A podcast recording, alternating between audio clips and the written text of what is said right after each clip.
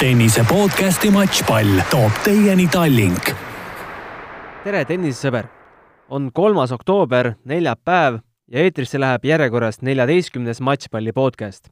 tuletame kuulajatele meelde, et meiega saab ühendust meiliaadressi kaudu tennis.delfi.ee, kuhu on väga oodatud teie tennisealased küsimused, ettepanekud või miks mitte lihtsalt konstruktiivne tagasiside. lisaks Delfi taskukeskkonnale leiab meie saated ka SoundCloudist Google podcastist, Apple podcastist ja kõikidest teistest podcasti rakendustest. Äh, stuudios on jätkuvalt saatejuhid Gunnar Leheste ja Riho Kallus äh, ning äh, tänases saates teeme juttu valdkonnast, millest me seni pole veel rääkinud, meil on siin käinud lapsevanemad, lapsed, me oleme rääkinud treeneritega, mängijatega aga me ei ole rääkinud äh, vast kõige tähtsamast, äh, Riho, tegelikult ju tennist ei mängita mitte reketiga, tossudega, jalgade-kätega, vaid eelkõige millega? peaga, peaga ikka. ja meil on äh, suur hea meel stuudios tervitada spordipsühholoogia nõustajat Snežana Stoljarovat. ja, tere! Snežana, räägi, miks sa kõigepealt tahad, et sind tituleeritakse kui spordipsühholoogia nõustaja? Antud hetkel see oleks lihtsalt korrektsem, sest äh, Eestis sellist kutset äh, ei ole veel mm. -hmm. samas ta on juba välja töötatud, mis on väga tore ja tegelikult sai just välja kuulutatud ähm, Eesti Psühholoogide Seltsi poolt. nii et nüüd seda saab taotleda. nii et ähm, mina kindlasti hakkan seda taotlema ja äh, loodetavasti saan ka selle kutse kätte kõik eeldused mul on selleks täidetud, aga jah, põhimõtteliselt, et olla väga korrektne, praegu ei ole meil sellist ametit äh, Eestis nagu spordipsühholoog. nii et spordipsühholoogia nõustaja oleks natuke õigem nimetus antud hetkel. aga seleta palun natuke mõne sõnaga, et mis vahe, mis nüansid on üldse psühholoogia, spordipsühholoogia? no nad, nendel on väga palju ühist, on ju, et spordipsühholoogia on samamoodi teadusharu, ta on lihtsalt kitsam psühholoogiast, äh, et me Eestis vähemalt arvame kindlasti, et spordipsühholoogia läheb psühholoogia alla, et kas seda kutse, kutse saamiseks meil on vaja psühholoogiaharidust, et äh, ta spetsialiseerub spordile. ehk siis me vaatame meie psüühilisi protsesse äh, seoses spordiga, selle keskkonnaga ja selle vajadustega ähm tennisepsühholoogia, kas tennisist äh, nii-öelda patsiendina erineb kuidagi ma ei tea, saja meetri jooksjast või kaugushüppajast, äh, mis need nüansid on, kas ta on raskem patsient kui mõne teise spordiala esindaja? et siin ma kohe sind parandaks natuke, et me kindlasti ei räägi patsientidest, me räägime klientidest, sest spordipsühholoogia ei tähenda ilmtingimata äh, mingeid äh, psüühilisi häireid, kindlasti mitte nendega tegelemist, ehk siis no neid on, on ka ju äh,? Neid on ka jällegi, ehk siis äh,, siis jällegi on väga hea, kui sportlane ja ükskõik mis muu mm, valdkonnaga tegelev inimene jõuab kliinilise psühholoogi juurde või siis jällegi psühhiaatri juurde juba, aga jaa, kuni me räägime sellisest harivast suunast, millest võiksid saada kasu enamus sportlastest, ehk siis vaimsest treeningust, vaimsete oskuste treeningust, siis siin mingite patsientidega ei ole tegu, need on meie, meie koostööpartnerid, need meie kliendid. aga erineb äh, siis tennisist kliendina mõnest teisest spordiala esindajast? Äh, minu kogemus on see, et mitte nii väga. et tegelikult no kindlasti spordil on oma spetsiifika, et äh, näiteks võrreldes meeskonnamängudega sa oled täiesti üksi tenniseväljaku peal ja seda päris pikka aega, nii et on väga oluline selline endaga hakkama saamine ja enda usaldamine. et meeskonnaaladel on lihtsam võib-olla natuke see, et sul on selle teise inimese õlg, kelle peale toetuda vahepeal, aga samas seal on ka see vastutus tiimi eest, mida individuaalspordialal pole. et võrreldes kergejõustikuga ka individuaalala, et, et seal on ähm, kindlasti rohkem sarnasusi. seal jällegi noh, selles mõttes, et sa ainult enda peale võid loota. aga seal on ka sellised erinevused, tennis on ähm, Äh, ma ei teagi, kuidas eesti keeles õige nimetus on, koaktiivne mäng, coactive sports, ehk siis äh, kõik on pidevalt muutlik, on ju, et kõik sõltub äh, su vastasest ka ja te koos loote seda mängu. et kergejõustikus selles mõttes on distants konkreetne asi, mida sa oled harjutanud tegema ja sa lähed seda sooritama. et seal on need erinevused tulevad mängu, ehk siis tennises sa pead palju rohkem olema nii-öelda protsessi jooksul, mõtlema, analüüsima, muutma seda, mida sa teed vastavalt olukorrale. kust sinu teadmised pärinevad ja kust pärinevad sinu tennisepsühholoogia teadmised kitsamalt? No e-, ega, ega ei olegi otseselt, kui ma mõtlen spordipsühholoogiast kui teadusharust, et see teaduslik alus on ikka sama spordipsühholoogial, ükskõik mis spordialas sa teed sa võtad, mille, millega sa töötad, aga kogemused, et ma olen tennisistidega töötanud juba päris mitu aastat ja treeneritega kokku puutunud ja see annab mulle natuke paremat ülevaadet sellest spordist. ise ei ole mänginud. just tahtsimegi sinna jõuda, et äh, sul on äh, tegelikult need tööriistad, mida võib-olla päris paljudel tennisistidel ei ole, sul on see mõttemaailmas see teadmine olemas, et kui hea mängija sa ise oleksid kui sa nüüd natukene ka harjutaksid absoluutselt ei ole, ma tahaks väga mõelda, et ma oleks äh, väga ratsionaalne ja rahulik ja väga hea enesejuhtimisega mängija, aga ega seda kontrollida antud hetkel ei saa. oleks ma platsil, oleks, oleks palju, palju arusaadavam, mis siis sealt hakkab saama aga sa ei ole mõelnud, võtaks kõik need spordialad ükshaaval ette, kel-, millised kliendid sul on äh, käinud, et äh, ise ka järgi proovida, võib-olla teaksid rohkem kaasa rääkida? See on põnev mõte. See on päris äh, raske praktikas teostatav lihtsalt ajalimiitide pärast, aga ma olen, mida mina proovin teha kindlasti, et teha enda tööd paremini, ma proovin olla selles spordiala keskkonnas rohkem. ehk siis ma proovin olla treeningutel kaasas, ma kindlasti olen reketit kätte võtnud ja ma olen paar punkti mänginud mõne sportlasega, et see oli täiesti üks meie sellistest harjutustest, et sportlane pidi mulle seletama, kuidas mõni oskus käib selleks, et tema saaks paremat selgust enda peas, et äh, me sellist nalja natuke tegime, nii et, nii et noh, väga pisikest kogemust mul on olemas, aga jaa, pigem ma saan seda infot ja kompetentsi sellest, et ma olen keskkonnas, et ma ei istu seal kusagil oma kabinetis ja ei näe, noh, kus ma ei näe tegelikult, mis toimub, ma proovin olla sealsamas, kus on sportlased. kui pikk su tennise kogemus äh, on ja kui palju aegade jooksul kliente sinu alt, käe alt läbi käinud? No ma ikka vist, mu, tegelikult mu esimene klient spordipsühholoogias oligi tennisist. nii et ja see oli umbes kuus aastat tagasi mm. -hmm.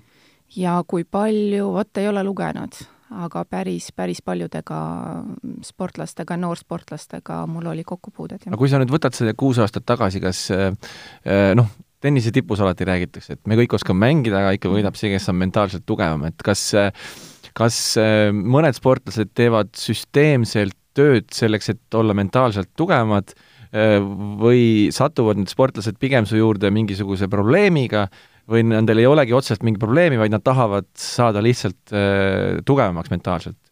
nii ja naa, mõlemat juhtub. et ja, ja see teine, kui nad tulevad lihtsalt selleks, et arendada ennast, mind äh, rõõmustab natuke rohkem kindlasti.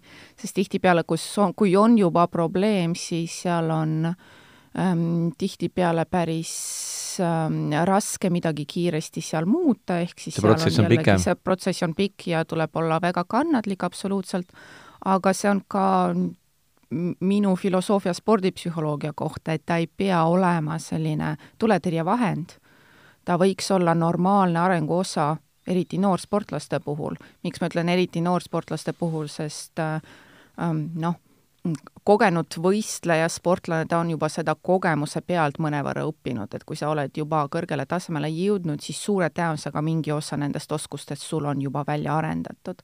noorsportlasele aga on need väga vajalikud just selleks, et jõuda sinna kõrgemale.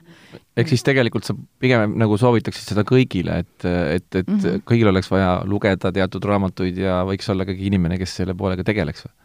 Ma soovitan seda kõikidele absoluutselt. nüüd ma kindlasti ei ütle, et iga sportlane peab käima spordipsühholoogi juures, et ähm, sest on ähm,, sest on erinevad teadmiste tasemed ja me ikka areneme erinevalt ja mõni võtab palju kiiremini mm, kinni nendest asjadest, on ju, et, et pigem ma mõtlen, et see teema peaks olema igal pool olemas trennides ja, ja seda saavad edasi anda ka treenerid, kes on ennast koolitanud selles valdkonnas, kes ise huvituvad spordi vaimsest poolest, et äh, need ei pea olema sellised asjad, millega saab ainult spordipsühholoog hakkama, et kui treener on näiteks ennast koolitanud ähm, eesmärkide seadmise valdkonnas, et teab, millised eesmärgid töötavad paremini, siis tema saab juba seda võtta kasutusele trennis, on ju. ehk siis ähm, jaa, see võiks olla teema kõikide jaoks, samamoodi nagu me arendame enda füüsist, tehnikat, võiks me arendada kõik enda vaimseid oskuseid, aga see ei tähenda ilmtingimata, et iga sportlane peab käima spordipsühholoogi juures. millises vanuses võiks see vaimsusega tegelemine juba mängu tulla, kas päris lastetennises?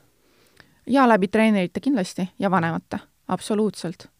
et seal lihtsalt ma ei ütleks, et peaks otseselt tegelema lapsega, jällegi, kui mina mõtlen enda rollist, aga läbi treenerite, läbi vanemate, et me tekitame sellise keskkonna, mis on arengut toetav keskkond, pikaajalist arengut toetav keskkond mm. -hmm. aga on sellega juba, on sellest juba aru saadud, oled sa käinud, äh, istunud maha lapsevanematega, rääkinud konkreetselt sellest lapsest? jaa, ma siin kiidaks kindlasti Tenniseliitu, et ma arvan, Tenniseliit teeb tublisti tööd selles valdkonnas, et proovib spordipsühholoogiat kaasata nii treenerite koolitamisse kui ka lastevanematega. praegu teist aastat järjest, kui ma ei eksi, ähm, Tenniseliit pakub vanematele lastevanemate koolitust, kus mina teen spordipsühholoogia osa ja lapsevanemad, kes on käinud, on sellega väga rahule jäänud, sest nemad saavad seda head ülevaadet sellest, mis, mis see võiks olla, kuidas nemad saavad parimal moel toetada enda lapsi, sest see ei ole ilmselge tegelikult, see ei ole nii lihtne asi, mida iga lapsevanem peaks teadma. et seal on nii-öelda need pedagoogika alused, mis tulevad mängu, spordipsühholoogia alused, mis tulevad mängu. nii et see on väga hariv äh, ja hea asi ja Tenniseliit on sellega tublisti tööd teinud kas sinu nii-öelda vastuvõtul käivad ka harrastustennisistid, nagu näiteks mina ja Riho oot-oot-oot, sina, sina, sina. võiksime ka astuda üle spordipsühholoogi ukse või pigem on see ikkagi nagu tipptennisele suunatud? ei ole, ei ole, see, see on see, see, mida mina teen kliendiga, ehk siis see, mida me koos teeme, äh, sõltub sellest, mis on vajadused mm -hmm. ja soovid, nii et absoluutselt ka harrastaja võib ennast selles valdkonnas harida selleks, et oleneb nüüd milleks, kas selleks, et tunda natuke rohkem rõõmu sellest, mida teha või teha teadlikumalt asju või samamoodi harrastajad ju ka võistlevad mm. -hmm. ega harrastaja võistluspinge ei pea olema väga erinev äh, võistlussportlase võistluspingest, see on ju inimese spetsiifiline, et iga mm, -hmm. ka harrastaja võib tunda väga tugevat pinget harrastajate turniiril mm. -hmm. aga kui me räägime ikkagi sellest nii-öelda tipptennisist, ütleme, et tipptennisist äh, saab sinu kontakti, tuleb, pöördub sinu poole esimest korda, milliste probleemide või muredega nad tavaliselt sinu juurde satuvad? kui satuvad murega, ehk siis mitte lihtsalt selleks, et äh, vaadata, kus on potentsiaali veel arendamata, siis enamasti satuvad ikka selle murega, et äh, võistlustel ei saa realiseeritud seda, mis trennis tuleb välja. et siis pingega toimetulek mm. -hmm. ja kus siis nagu pihta hakata? Mis, milles see, milles see pinge talumatus siis öelda, kus need juured on? oleneb jällegi, et see, need võib, võivad olla ka mingid keskkonnamõjud, äh, aga no jällegi keskkond mõjutab meid läbi meie enda mõtete ja emotsioonide, nii et see on tavaliselt see koht, kus me hakkame looma eelkõige teadlikkust, täpselt, et vastata sellele küsimusele, et mis siis toimub. et millistel hetkedel Äh, millised minu sisemised kogemused hakkavad mind mõjutama. et näiteks sportlane võib teadvustada, et enne ähm, set-palli näiteks äh, temal tekib mõte, et põhiline asi on mitte kaotada see punkt, on ju, või ma ei tohi eksida äh, või ma pean võitma ja siis järgmine hea küsimus on, nii kui see mõte tekib, mis siis hakkab juhtuma, mida sa hakkad tegema teistmoodi. et tihtipeale me võime näha, et sportlane hakkab kiirustama, ta ei mõtle läbi, ta keskendub valedele asjadele. ehk siis keskendumine, ta meil mõnes mõttes ei kao, me alati, meie tähelepanu on alati kusagil, lihtsalt see koht võib olla väga vale. näiteks ma mõtlen mängu tulemusest selle asemel, et mõelda selle peale, kuidas ma seda punkti tahaks läbi mängida. et äh, siis me, ehk siis me proovimegi leida neid hetki, kus miski hakkab toimuma, mis on need nii-öelda trigger'id, mis, mis on need käivitajad selles olukorras, on ju näiteks kaks kaotatud punkti, vot kui ma kaks või lihtne viga, peale lihtsat viga ma tean, et minus tekib see sisemine ärritus, pettumus, viha ehk siis emotsioon ja mõtted ja nendele ma reageerin ja antud hetkel ma reageerin nendele mitte kõige kasulikumal moel. ehk siis ma hakkan kiirustama, mu mõte läheb mujale, ma enam ei mõtle, mida ma teen, ma niisama löön palli. et seda on kõrvalt päris hästi näha, kindlasti kõik treenerid on seda kõrvalt ja vanemad näinud, ja siis me hakkame vaikselt tegelema sellega, kuidas me saame reageerida nendele olukordadele teistmoodi. mida tennisistid kõige rohkem kardavad, kui neil on see settpall või matšpall? mis siis juhtub? mis on, mis, punkti kaotus, mängu kaotus ja nüüd äh, see, see on jällegi, see on väga hea küsimus, mis siis juhtub, on täpselt ka see küsimus, mida mina küsin tihtipeale sportlaste käest. ja mõne jaoks ähm, see mõttejada on pikem kui teise jaoks, mõne jaoks ongi hea, et mis siis juhtub, et punkti kaotan ja siis ma kaotan mängu ja see oli oluline mäng ja mõne jaoks see punkti kaotus võib olla seotud mingisuguse mõttega enda väärikusest, ehk siis siis ma ei ole hea mängija või siis ma ei ole ka hea inimene, ma ei tea, siis ma ei ole hea laps lapsevanemate jaoks.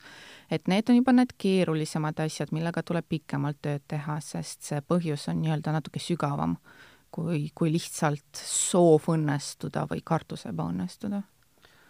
miks ma küsin, on see, et tennis on ju väga spetsiifiline ala selle poolest, et äh, see kaotus tuleb ühel hetkel nii või naa. absoluutselt, nagu igas spordis. noh, tegelikult jah, tegelikult küll, jah mm. -hmm. aga lihtsalt, et äh, et sellise hirmuga elamine võib olla päris keeruline, et sellest tuleb lõplikult vabaneda ikkagi no lõplikult vabaneda sellest, et me tajume, et pinged võistlustel ei ole võimalik, sest muidu me ei teekski erinevust sellel, mis on võistlus ja mis on treening.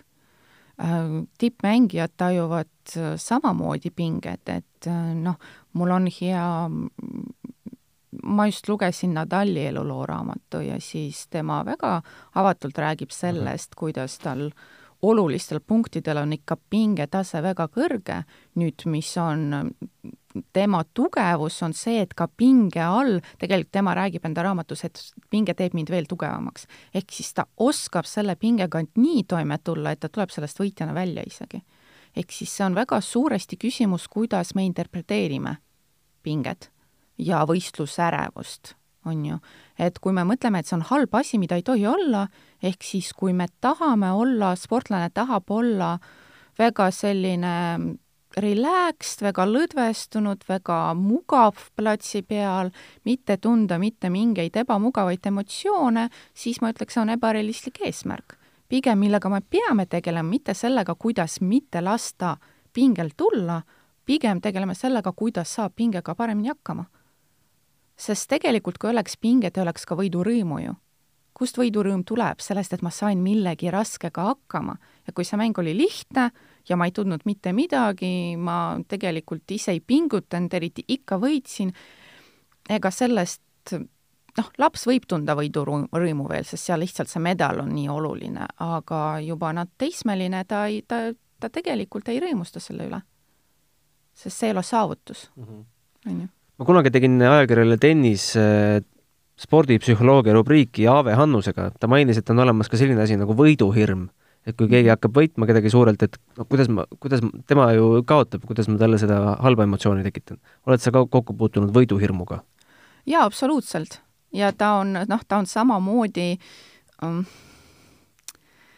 ta, ta on sama, kui, kui meie meel saab aru, kui me teame, et meil on midagi praegu võita, siis me samal ajal, samal hetkel saame aru, et meil on midagi hetkel kaotada ehk siis tegelikult ka see võiduhirm on seotud sellega, et nüüd mul on see eluvõimalus, mõnes mõttes on ju, ja nüüd ma ei tohi seda käest ära lasta.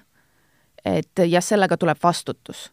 ja, ja see on asi, mis võib tekitada meis jällegi sellist, seda pinget, mida me ei taha endale võtta, nii et me võime proovida seda vältida. sa mainisid eh, Rafael Nadali raamatut äh, kas äh, võib öelda, et äh, sportlaste eluraamatud on ka sinu jaoks mingil määral õppematerjal, mida sa saad enda töös kasutada ja näiteid tuua, kas selle Jaa. sportlasega rääkides? jaa, absoluutselt, ma arvan, miks selliste tipptegijate elulooraamatud on head, sest enamasti sa loed sealt välja väga palju nende pühendumise kohta, nende töökuse kohta, mitte allaandmise kohta või lõpuni võitlemise kohta, ehk siis kõikide selliste karakteristikute kohta, mida iga sportlane saab endas arendada ma arvan, et millega me peame olema ettevaatlikud, me peame olema ettevaatlikud selles, et me ei võta seda kui aabitsat selle kohta, kuidas täpselt peab see karjäär juhtuma. ehk siis äh, kui, kui keegi juba kümneaastaselt oli väga edukas ja oli ka eda-, edasi edukas, see ei tähenda, et kui sa kümneaastasena ei ole edukas, siis sinu karjäär on äh, juba ebaõnnestunud, ehk siis me peame olema ettevaatlikud sellega, sest äh, karjäärid, sportlaskarjäärid on väga erinevad ja sinna tippu jõutakse erinevate teekondade läbi, aga mis nendes enamuses kõlab, on needsamad olulised asjad. pühendumine, töökus, pingega toimetulek, mitte allaandmine, lõpuni võitlemine, sellised asjad. oled sa ka lugenud Andrea Kassi raamatut? seda ei ole veel ju. Andrea Kassi räägib seal raamatus, et äh, talle tegelikult ei meeldi tennis lihtsalt mm -hmm. on Mhm. selle lapsest saati teinud, teda on sunnitud mm, -hmm. ta lihtsalt ei oska midagi muud teha. jah. kui äh, levinud selline mõtteviis või selline patsient sinu töös on? jaa, ma see, noh, ma sellest loost olen teadlik absoluutselt ja ma ütleks, et see on erand, et jällegi, kui mõni lapsevanem võtab seda juhendmaterjalina, et ei ole vahet, et minu laps ei taha tennist mängida, ma ikka sundin teda ja siis temast tuleb agassi järgmine, siis pigem mitte, et see on pigem ühe erandi lugu kui, kui reegel.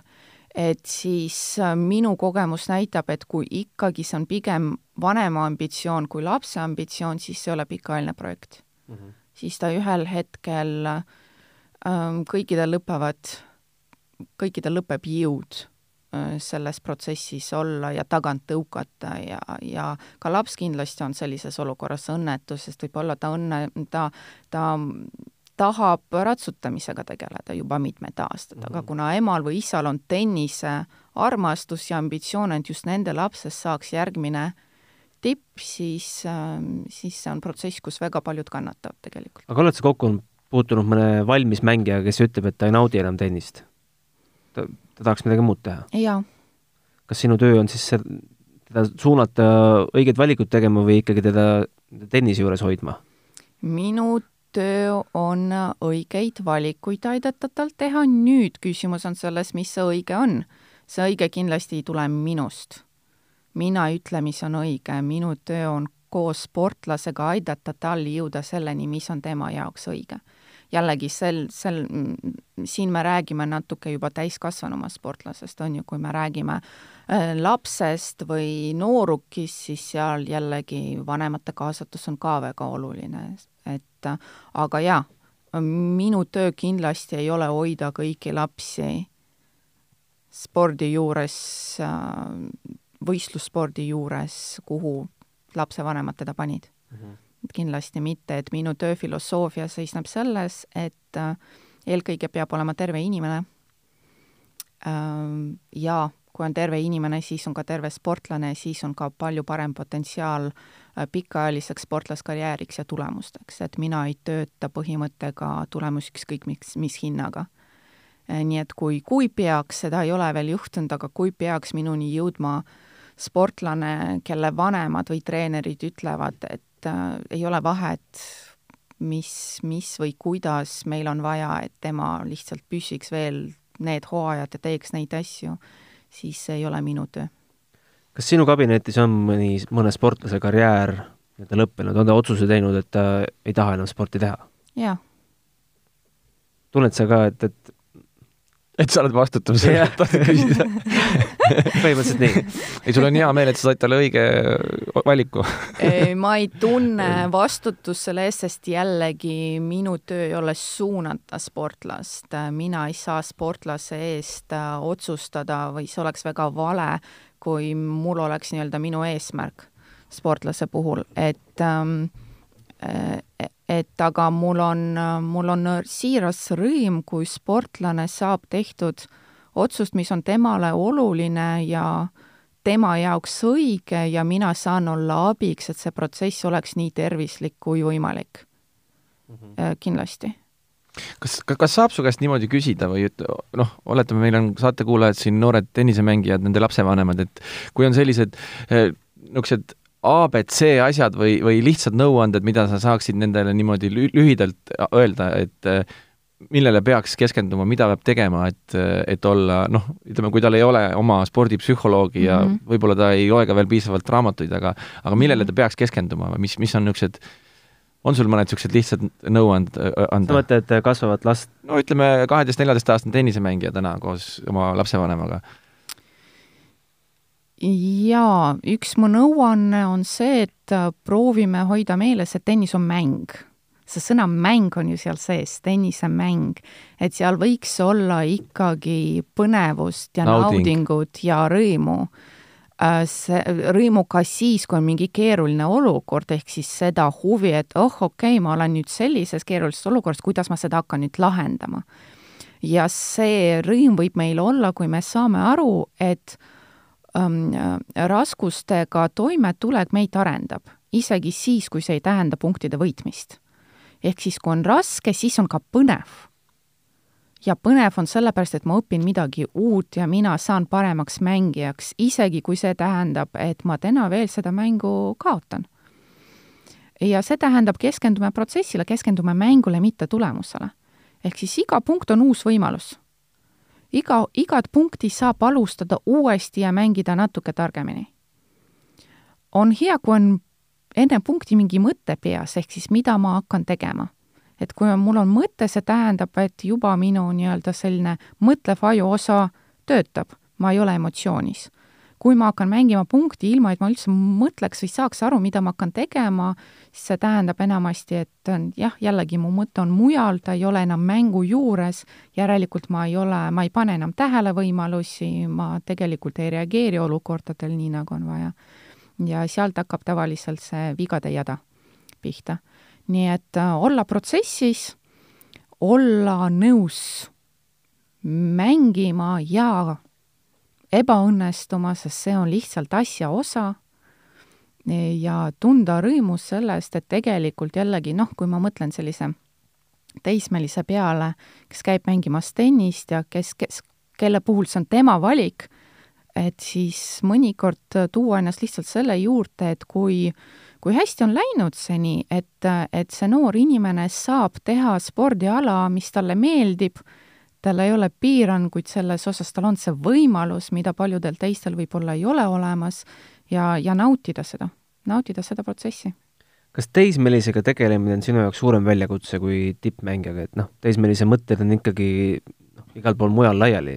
Jaa, on, on. see, see ei ole ainult see, aga see on ka nii-öelda üldse selline enesedistsipliini küsimus ja enesejuhtimise küsimus, et et töö ei toimu ju minu kabinetis, töö toimub sessioonide vahel, kus sportlane ise peab nende asjadega edasi töötama mm. -hmm ja täiskasvanud sportlase puhul, noh, seal on palju rohkem distsipliini, kus sportlane juba saab aru, miks ta seda teeb, ta võtab seda kuidagi kohusetundlikumalt ja seal on progressi nii-öelda kiiremini näha. et äh, nooremate puhul tihtipeale mure on see, et kuigi sessioonis nad on väga kaasas ja nad mõtlevad ja me arutame ja ja me proovime asju, siis vahepeal nendel endal ei jätku seda distsipliini, et protsess oleks järjepidev siis seal on vaja vanemate abi või siis treenerite abi ja see ei ole alati praktiliselt võimalik. kui palju äh, noor inimene või ka tippsportlane tennisemängija puhul eriti toob äh, sinna kabinetti või sessioonidele kaasa oma eru, eraelulised probleemid, sest need tegelikult ka väga palju mõjutavad ju seda, kuidas sul mäng läheb?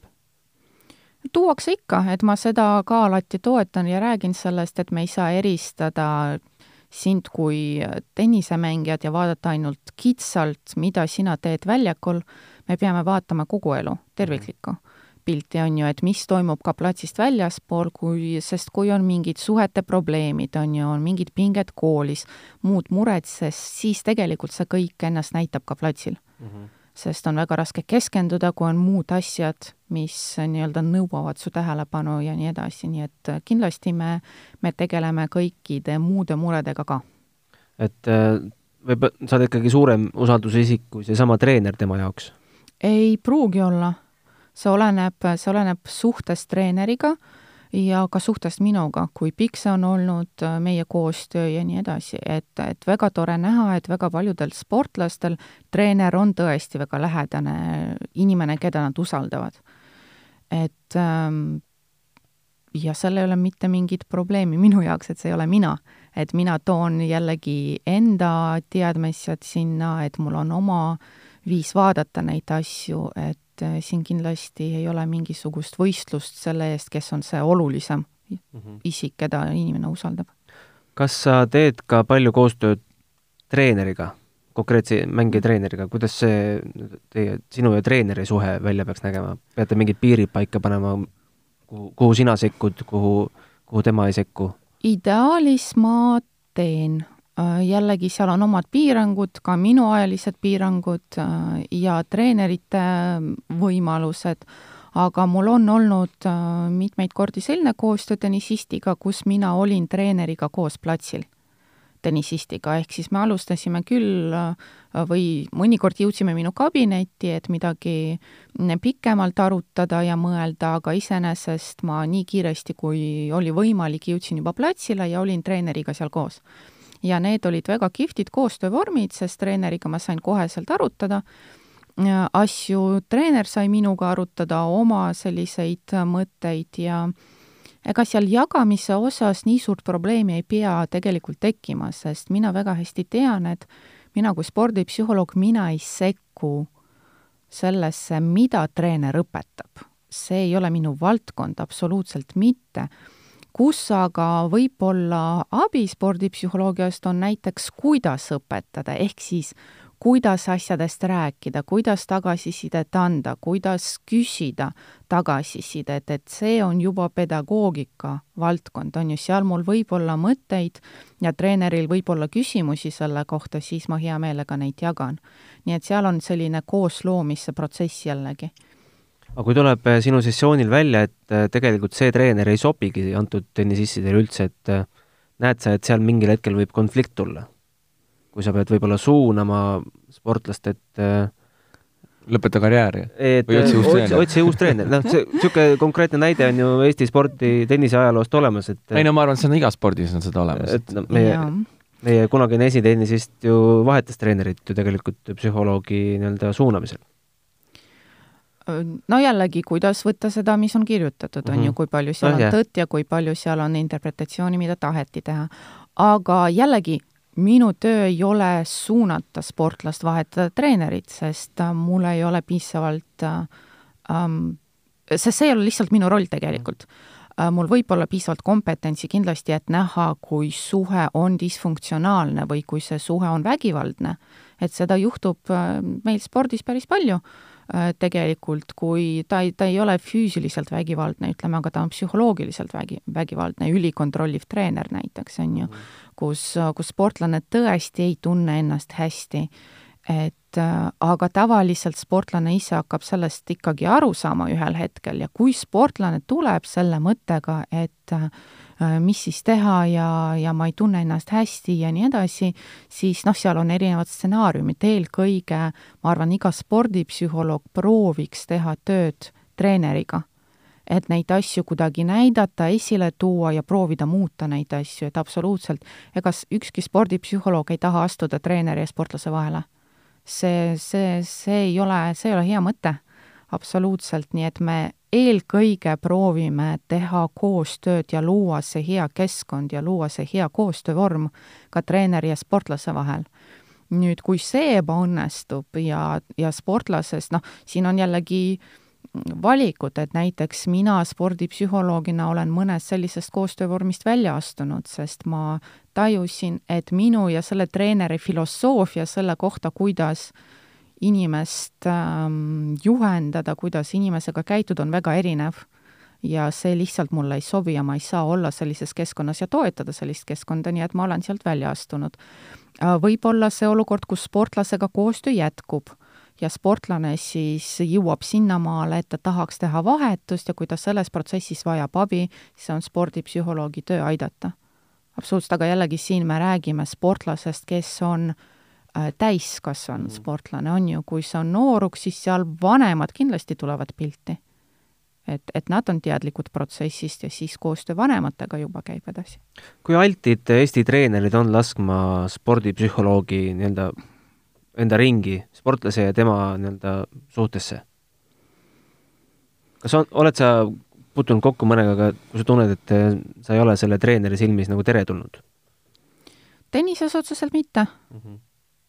tennises on läinud hästi seni, ma arvan, tennises treenerid on tegelikult päris avatud. aga mõnel spordialal siis ei ole? ikka, ikka leidub äh, selliseid, mm, mitte spordialasid, aga treenereid, kes äh, ei võta spordipsühholoogiat nii-öelda vastu. sa täna tegeled täitsa seinast seina, neid spordialasid on väga palju, millega sa kokku puutud? jaa, jaa. no Eesti on päris väike, siin spetsialiseeruda on keeruline ja jällegi see on väga põnev tegeleda erinevate spordialadega. sinusuguseid inimesi on Eestis vähe üldse või, või? um,? Noh, nimetasid Aave Hannust mm, -hmm. Gunnar, sina, Aave Hannus on tegus spordipsühholoogia valdkonnas, meil on Jörgen Matsi, kes on väga tegus spordipsühholoogia valdkonnas, meil on Audentese gümnaasiumis töötav Kristel Kiens, nii et meid on, meid ikka on, aga et mitte mitte palju? kümmet ikka kokku ei saa? kümmet vist kokku ei saa. arvestades, kui palju meil sportlasi on, siis äh, töökoormus peab olema päris suur no meil on nagu vajadus spordipsühholoogia järgi suur, aga võimalus seda kasutada mitte nii väga. kas teil on omavahel ka mingisugune liit või assotsiatsioon või suhtlete te kuidagi omavahel või? jaa, absoluutselt, me suhtleme omavahel, me proovime üksteist äh, toetada ja äh, aidata nii-öelda teha sellist äh, kovisiooni mõnes mõttes, et jah. tulles veel tagasi treenerite juurde, me näeme tipptennises, et aeg-ajalt kaamera näitab tema treenerit, tema füüsi, füüsilise mm -hmm. ettevalmistuse treenerit, aga me ei näe kunagi seal kõrval psühholoogi, kes on ju tegelikult samamoodi vaimne treener mm. -hmm. miks, miks psühholoogid ei käi mänge vaatamas? kas sa räägid Eestist? Eestist, välismaast üldse, ega Eestis ka tribüün, me ei ole siin Eesti meistrivõistluste Eestis olen ikka käinud mõned korrad. mina kindlasti ah. olen käinud päris palju, aga jällegi um, no vot, ma ei, ma, ma ei tea sellest, et, et kas neid tõesti ei ole tribüünidel või nad lihtsalt ei ole ajalehtedes nimede pidi ähm, ära nimetatud. see on üldiselt on... nii, et tennisist ei taha, et teda seostatakse ühe konkreetse psühholoogiga? et see suhe peaks jääma kuidagi nagu varjatuks?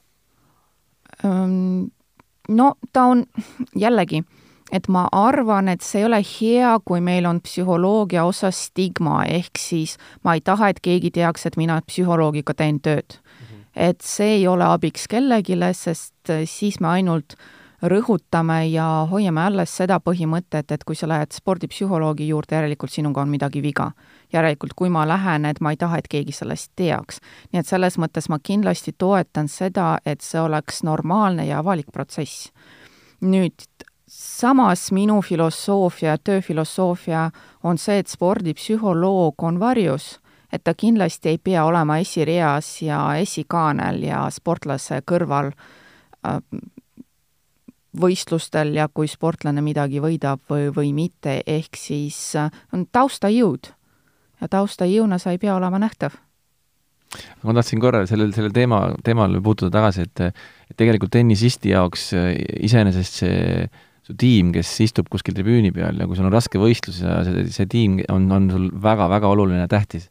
et, et teinekord äh, kui sa mängid rasket turniiri Grand Slami kaks nädalat näiteks ja ja võib-olla jõuad lõpuks finaali ja mängid viietunnist matši ja, ja just siis on sul see breikpall ja siis silmside treeneriga ja see hetk on, on, on väga-väga oluline, et kui kui, kui keegi tiimist parajasti vaatab telefoni või midagi -hmm. muud, on ju, siis see võib tegelikult mängijale väga-väga mõjuda, et mm -hmm. et see on hästi-hästi tähtis, et ma olen ka teinekord mõelnud, et kui, kui juhtub see, et, et sa oled raske turniiriga jõudnud finaali ja siis tulevad sulle oma inimesed just toetama, aga ainult finaali näiteks või mingil mm -hmm. hetkel, et see on tegelikult raske, et et see on niisugune hästi oluline. Mängid... nii palju ma kõrvalt olen näinud seda ise, ise ka olnud niimoodi toetanud, vaadanud, et mm. -hmm. ja et see tugi on äh, nii-öelda järjepidev. järjepidev, just, just. et ta ei, ta ei ole tingitud sellest, kui hästi sul läheb, et ja. Äh, jah. aga kas sul on mõni mängija, kes äh, lausa tahab, et sa oleksid tribüünil, kellel sinu kohalolek on oluline? Mul hetkel ei ole selliseid koostöövorme, mul oli jaa, kus ma olin ikka väga palju kaasas. et sa pidid oma graafikusse panema kirja, et see kell on see mäng ja ja, ja, ja ikka, kui, kui no jällegi, kui on Eestis mängud, Tallinnas eriti mängud, siis ma ikka proovin leida võimalust minna, kui mul on selline ähm, pikem koostöö sportlasega. Mitu aastat sa tennisemängijatega oled tegelenud? no umbes kuus kui sa meenutad, milline on, on olnud sinu kõige väljakutsuvam töö või kõige su-, väljakutsuvam probleem, mille eest sa oled seisnud, mis see kõige eriskummalisem küsimus on olnud, millega on tulnud tegeleda? no ma ütleks, minu jaoks kõige raskemad on, aga need on, ei ole sellised pikaajalised probleemid, on see, kui tuuakse väga noori mängijaid minu juurde, sellepärast et vanemad tahavad. kui noor, on noor? noh, kümneaastaseid, üheteistaastaseid ja iseenesest selles ei ole mitte mingit probleemi, kui kümne või üheteistaastane tahab ise, aga probleem on siis, kui see on see veel asi, mida vanemad näevad, võiks temale juurde anda, et ikka pakett oleks täis ja temast ikka saaks tipp, mängija. ehk siis see on, see on, see on siis mina olen veel üks viis, kuidas panna sportlasele pinget mõnes mõttes, nüüd sul on ka spordipsühholoog olemas. et, et ja see tavaliselt juhtub äh, nii, et see kümne-üheteistaastane, ta istub minu juures ja tema ei tea, miks ta seal on, temal ei ole mitte midagi otseselt veel vaja, ta, ta lihtsalt tahab mängida, ta naudib mängu ja aga, aga see on vanemate probleem, et ta ei soorita mm. -hmm et, et siis selline koostöö tavaliselt ja siis sa ütled talle, et me hakkame nüüd sind ravima? no täpselt, et me hakkame nüüd sind äh, terveks tegema ja et, et tavaliselt selline koostöö ei ole pikaajaline, et mina proovin ise, kui ma näen, et sellel ei ole mõtet. kuule, kas Nesana, ütle, kas sa lõpetan selle. ütle, kas sa, noh, vot see on see, see, see sinu töö on selline võib-olla, et Äh, sul on väga raske võib-olla aeg-ajalt nagu oma töö vilju hinnata ja, ja aru saada, et kui palju sa, kas sul on niisuguseid ka lühemaajalisi asju ja pikemaajalisi asju, kus sa nagu näed, et vot nüüd mul on, nüüd ma tunnen, et naerule tuleb nägu, et vot nüüd ta lõpuks sai sellest aru ja see asi on muutunud, et on sul, on sul mõni näiteid või kuidas sa, või mis sa iseenda, enda jaoks kõige suuremateks edulugudeks pead või, või kuidas sa seda üldse hindad? Jaa, no mind rõõmustab kõige rohkem, ma jällegi ütlen, et mina ei tööta sportlasega, ma töötan inimesega, kes on sportlane ka. et äh, mind kõige rohkem rõõmustab, kui, kui ta tõesti, ta saab millestki aru, mis on tema jaoks oluline. ja see hakkab mõjutama teda kõikides eluvaldkondades, et ta äh, see on mõne, mõnevõrra selline eneseavastamine, kus äh, ma töötan päris palju sportlastega selliste asjadega nagu nende enda väärtused, et nad saaksid aru, miks nad teevad asju, mis on nendele elus oluline, kuidas neid, neid väärtusi saaksid sporti ka tuua, kuidas see, mida nad spordis teevad, toetab nende väärtusi näiteks, et et need on sellised sügavamad natuke küsimused ja mulle selliste küsimustega meeldib tegeleda, sest nemad tõesti võivad äh, omada sellist kasutegurit mitte ainult väljakul, aga, aga mujal ja minu jaoks tagasiside kindlasti see, need ei ole võidud ja need ei ole punktid, sest võite ja punkte mõjutavad nii paljud muud faktorid, et ähm, et äh, kui mõni spordipsühholoog ütleb, et võtke mind tiimi, siis sportlane hakkab mängima paremini, hakkab võitma, siis äh, ma ei usaldaks sellist, äh, sellist professionaali, sest tegelikult meil ei ole otseselt mõjuvõimu mängu tulemusi muuta, et mina ütleks, et minu eesmärk on aidata inimesel olla nii heas kohas kui võimalik. Äh, tervi-, tervena olla füüsiliselt ja vaimselt terve inimene. kui meil on terve ja rõõmus ja rahulolev inimene, siis meil on parem sportlane aga sa näed tihti ka seda töö tulemust? näed sa seda? jaa, sest see on see, mida mulle sportlased ise peegeldavad, et see ongi minu, minu rõõm ja minu hea tagasiside, kui sportlane ähm, hakkab rohkem äh, teadvustama mingeid asju, hakkab reageerima teistmoodi asjadele, kuidagi mingid suhted lähevad paremaks, ka treeneriga näiteks äh, või tiimikaaslastega ja nii edasi, et need on kõik sellised äh, asjad, mida sportlane ise tajub subjektiivsed asjad ja siis äh, see on minu jaoks parim tagasiside. kas see nüüd objektiivselt on näha mänguplatsil, see on juba teine küsimus. ei pruugi olla koheselt näha või ei pruugi tegelikult mõnes olukorras olla üldse näha, sest noh, seal on nii palju muutujaid, mis on veel kaasatud. kaua sa keskmiselt ühe sportlasega koostööd teed, kas mingil hetkel tuleb laht-, lasta lahti ka või mingil hetkel saad sa aru, et sinust pole enam mingit kasu või pole sind, sind enam sportlasele vaja või kaua, kaua peab sportlane psühholoogiga tööd tegema? Äh, ei olegi sellist peab, kui kaua reeglit, et äh, see jällegi oleneb vajadustest, et mõne sportlasega ma teen koostööd viis sessiooni, ta tuleb mingi väga konkreetse küsimusega, mul on konkreetne vastus sellele küsimusele, me töötame, arendame oskuseid, mis seda toetavad ja sportlane saab seda, mida on vaja, kõik väga hea, näeme järgmine kord, kui on midagi vaja, et selliseid koostöövorme on päris palju. Ja siis on koostöövorme, kus mina olen mitmed hooajad kaasas. aga siis ma olen juba nii-öelda mitte ainult sportlase jaoks olemas, ma olen nagu pigem nii-öelda tiimi jaoks olemas, selles tiimis treener, ütleme, ja sportlane või kui see on meeskonnaala, mitu sportlast ja treener, et, et siis seal on juba selline ähm, järjepidevalt lihtsalt tiimi osana olemine pikk, pikem on sinu kõige pikem koostöö sportlasega? no kolmas aasta mul ühe sportlasega praegu tiimiga läheb mm. -hmm. jah, see on vist kõige pikem antud hetkel. Läheb hästi? Mõnusalt, jah. alates algusest on oluline progress? alates algusest oli väga hea, siis meil ikka olid äh, nii-öelda mõõnad äh,, mitte meie koostöös, aga nii-öelda sportla, sportlaselt tema, tema karjääris, sest ükski karjäär ei ole nii lihtne ja alati tõusujoones ei lähe, nii et olid raskused, kus me terve tiimiga siis olime olemas ka raskel perioodil ja nüüd hakkab jälle paremini minema, nii et äh, selles mõttes sa oled seal heas ja halvas, aga see koostöö natuke, natuke nagu algab niimoodi, ma ise mõtlen praegu oma peas, et kas see, kas meil natukene on nagu see sportlane psühholoogias nagu selles mõttes alasti, et et kui, kui ma esimene kord temaga räägin, on mingid teatud asjad, ma, ma, ma, ma hindan ta mentaalse seisundi ära kuidagi või, või saan aru, et mis olukorras ta nagu on või või kas, kas see on nii või? no see on kindlasti enese avamine, absoluutselt. ja see, see võib olla natuke ärev protsess mõne inimese jaoks, jah.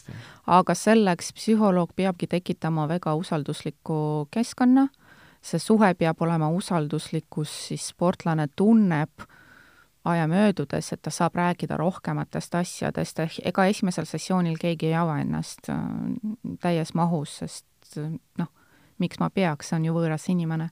et nii, et äh, spordipsühholoogina või psühholoogina üldiselt me tegeleme päris palju sellega, et me loome seda suhet. mis on avatud, mis on usalduslik, mis on heatahtlik ja siis selles suhtes on võimalik ennast avada ja see suhe iseenesest võib olla selliseks heaks ähm, energiaks, mis, mis annab muutustele, headele muutustele jõudu juurde. no tavameditsiinis on nii, et äh, inimene läheb psühholoogi juurde, siis sealt abi ei saa, siis järgmine samm on psühhiaater. kas spordis on võimalik ka sportlast suunata psühhiaatri juurde, sest noh, ravimeid ju sa välja ei kirjuta? ei kirjuta no.. on nii raskeid juhtumeid ka olnud? jah, üldiselt oma, oma spordipsühholoogi karjääri jooksul ma olen pidanud jah, suunama edasi sportlasi. jaa, sest kui on tegu juba psüühilise häirega, Äh, psüühilise häirega, siis mina suunan edasi, sest mina ei ole kliiniline psühholoog ja mina nii-öelda näiteks depressiooniga ei tegele või ähm, söömishäirega ma ei tegele, nii et siis ma suunan juba spetsialisti poole. et see võistluspinge ja igapäevane rutiin võib inimese viia nii kaugele, sportlase viia nii kaugele, et tal on vaja professionaalselt meditsiinilist abi? No kas just see viib või või muu elu. või muu elu, kogu pakett, aga jaa, absoluutselt võib ju olla.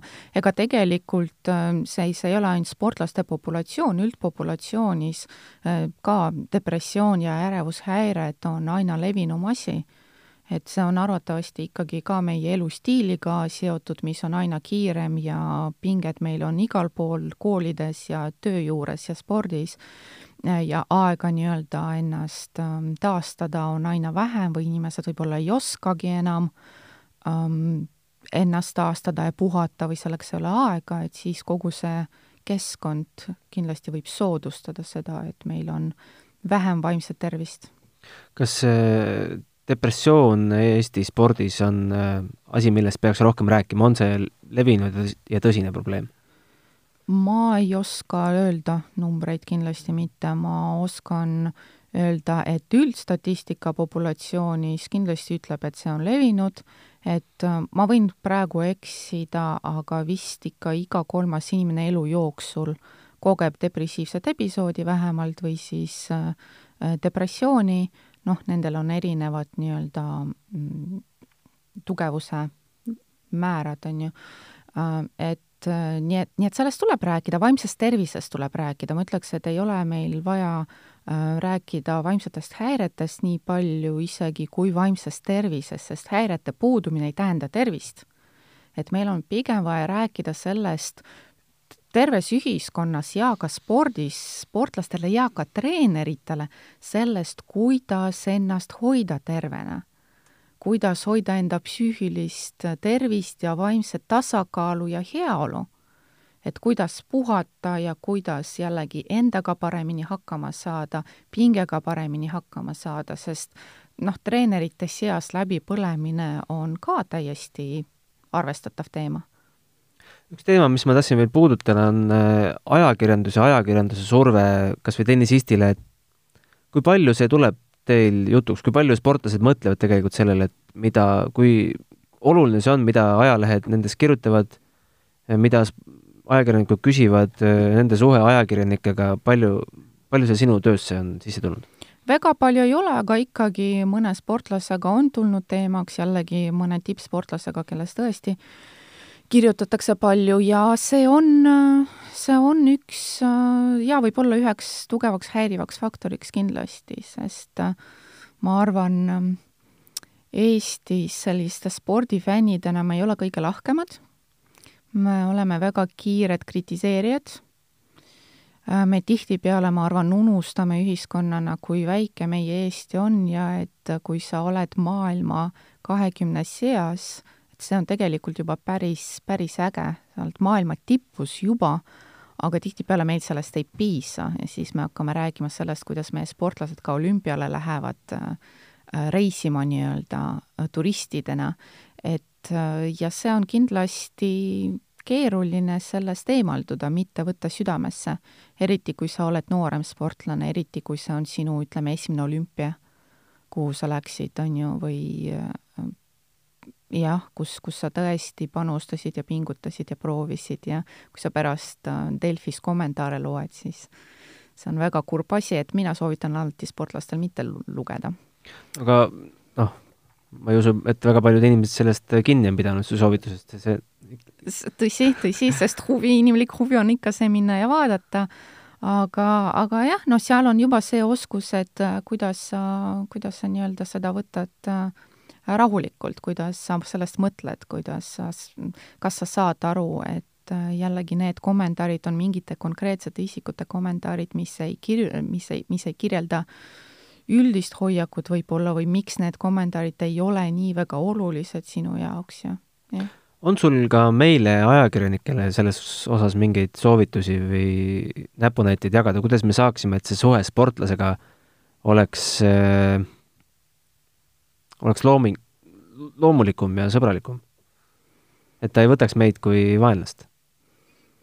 no eks see algabki võib-olla sõbralikemast küsimustest kus, kus, kui sportlane finišeerib miks sa jälle kaotasid? esimeseks küsimuseks ei ole, noh, tulemus ei ole päris see, mis sa, mis sa tahtsid, eks ju, mis sa sellest arvad.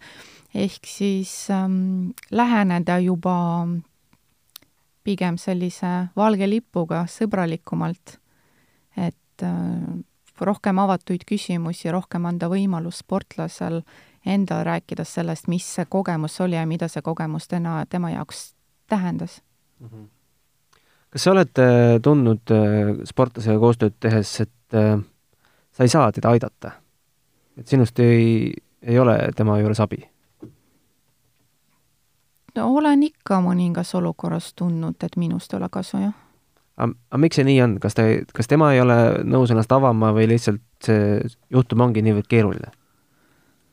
see võib olla ka noh, tavaliselt need on mitmed asjad kokku, et sellist äh, üks-ühele põhjus-tagajärge on väga raske siin, äh, siin leida, et äh, võib-olla ka puhtalt see, et ei klapi, sest see on ju ka nii oluline, et selle inimesega nii-öelda isiklikul tasemel lihtsalt oleks selline hea klapp, et sportlasel oleks mugav ja hea sinuga ja sul samamoodi.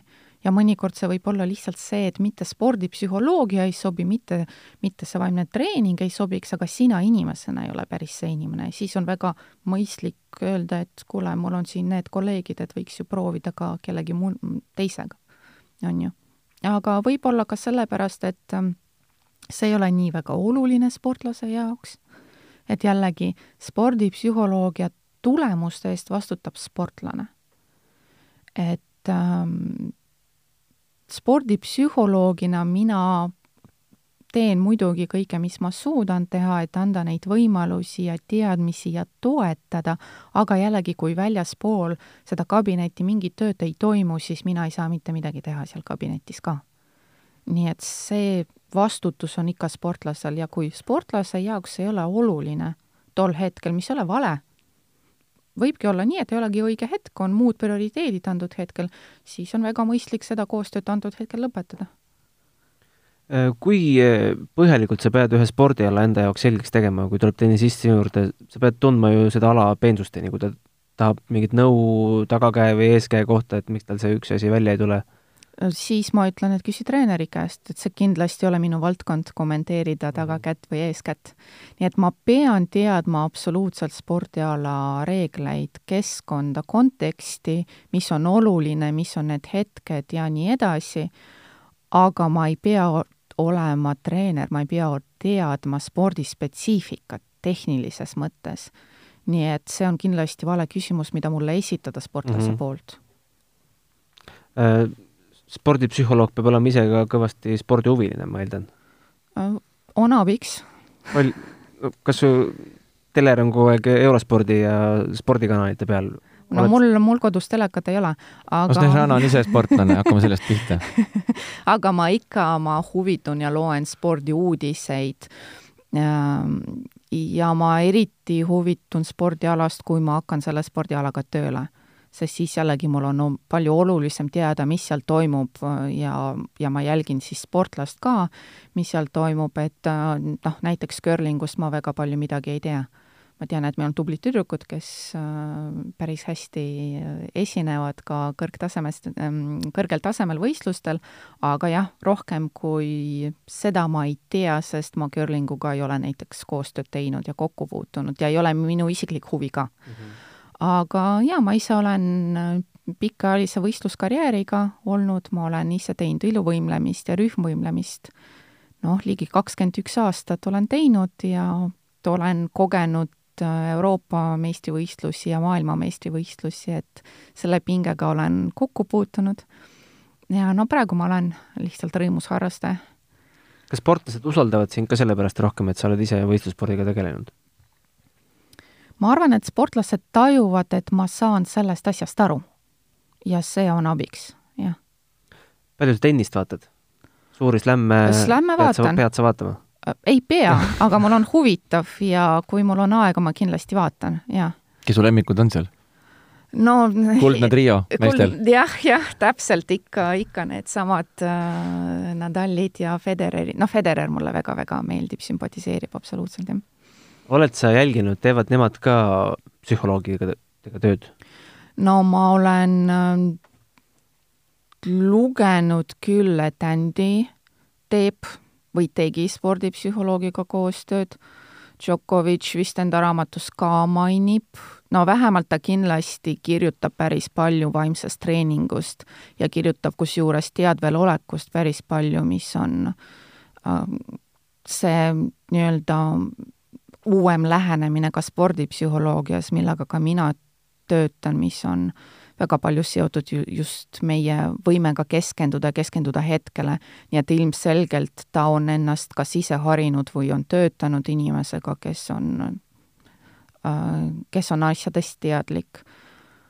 aga rohkem mul ei tulegi pähe, et ma oleks lugenud kusagilt kellegi kohta, et on koostööd spordipsühholoogiga mm. -hmm. aga ma, ma, ma usun, et seda, seda kindlasti on lõpetuseks, kas on olemas selline mingi universaalne harjutus või mõttetöö, mida, mida iga kuulaja või kas me meie Rihoga saaksime järgmine kord tenniseväljakule minnes kasutada, ütleme, et meie no, põhi, põhiprobleem on see, et see, et pallil, matšpallil tuleb närv sisse ega võib-olla ikkagi mm -hmm. Snezana näitab praegu kohe ära meile harjutuse, kuidas olla õnnelik ja edukas, et teeme selle siin ära ja et nii lihtsalt see käibki. et kas on no, mingi, mingi harjutus, mida me saaksime kodus kas või enne tenniseraketi kättevõtmist teha, et me enne saate algust saaksime sellel matšpallil sellele asjale mõelda?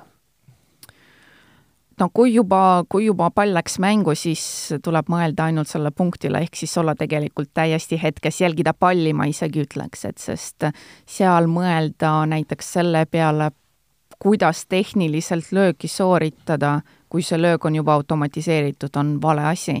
nii et kui pall läks mängu, jälgi palli ja, ja siis, siis ähm, see mäng nii-öelda juhtub, see, mida sa oled treeninud, see, mida sa oled harjutanud.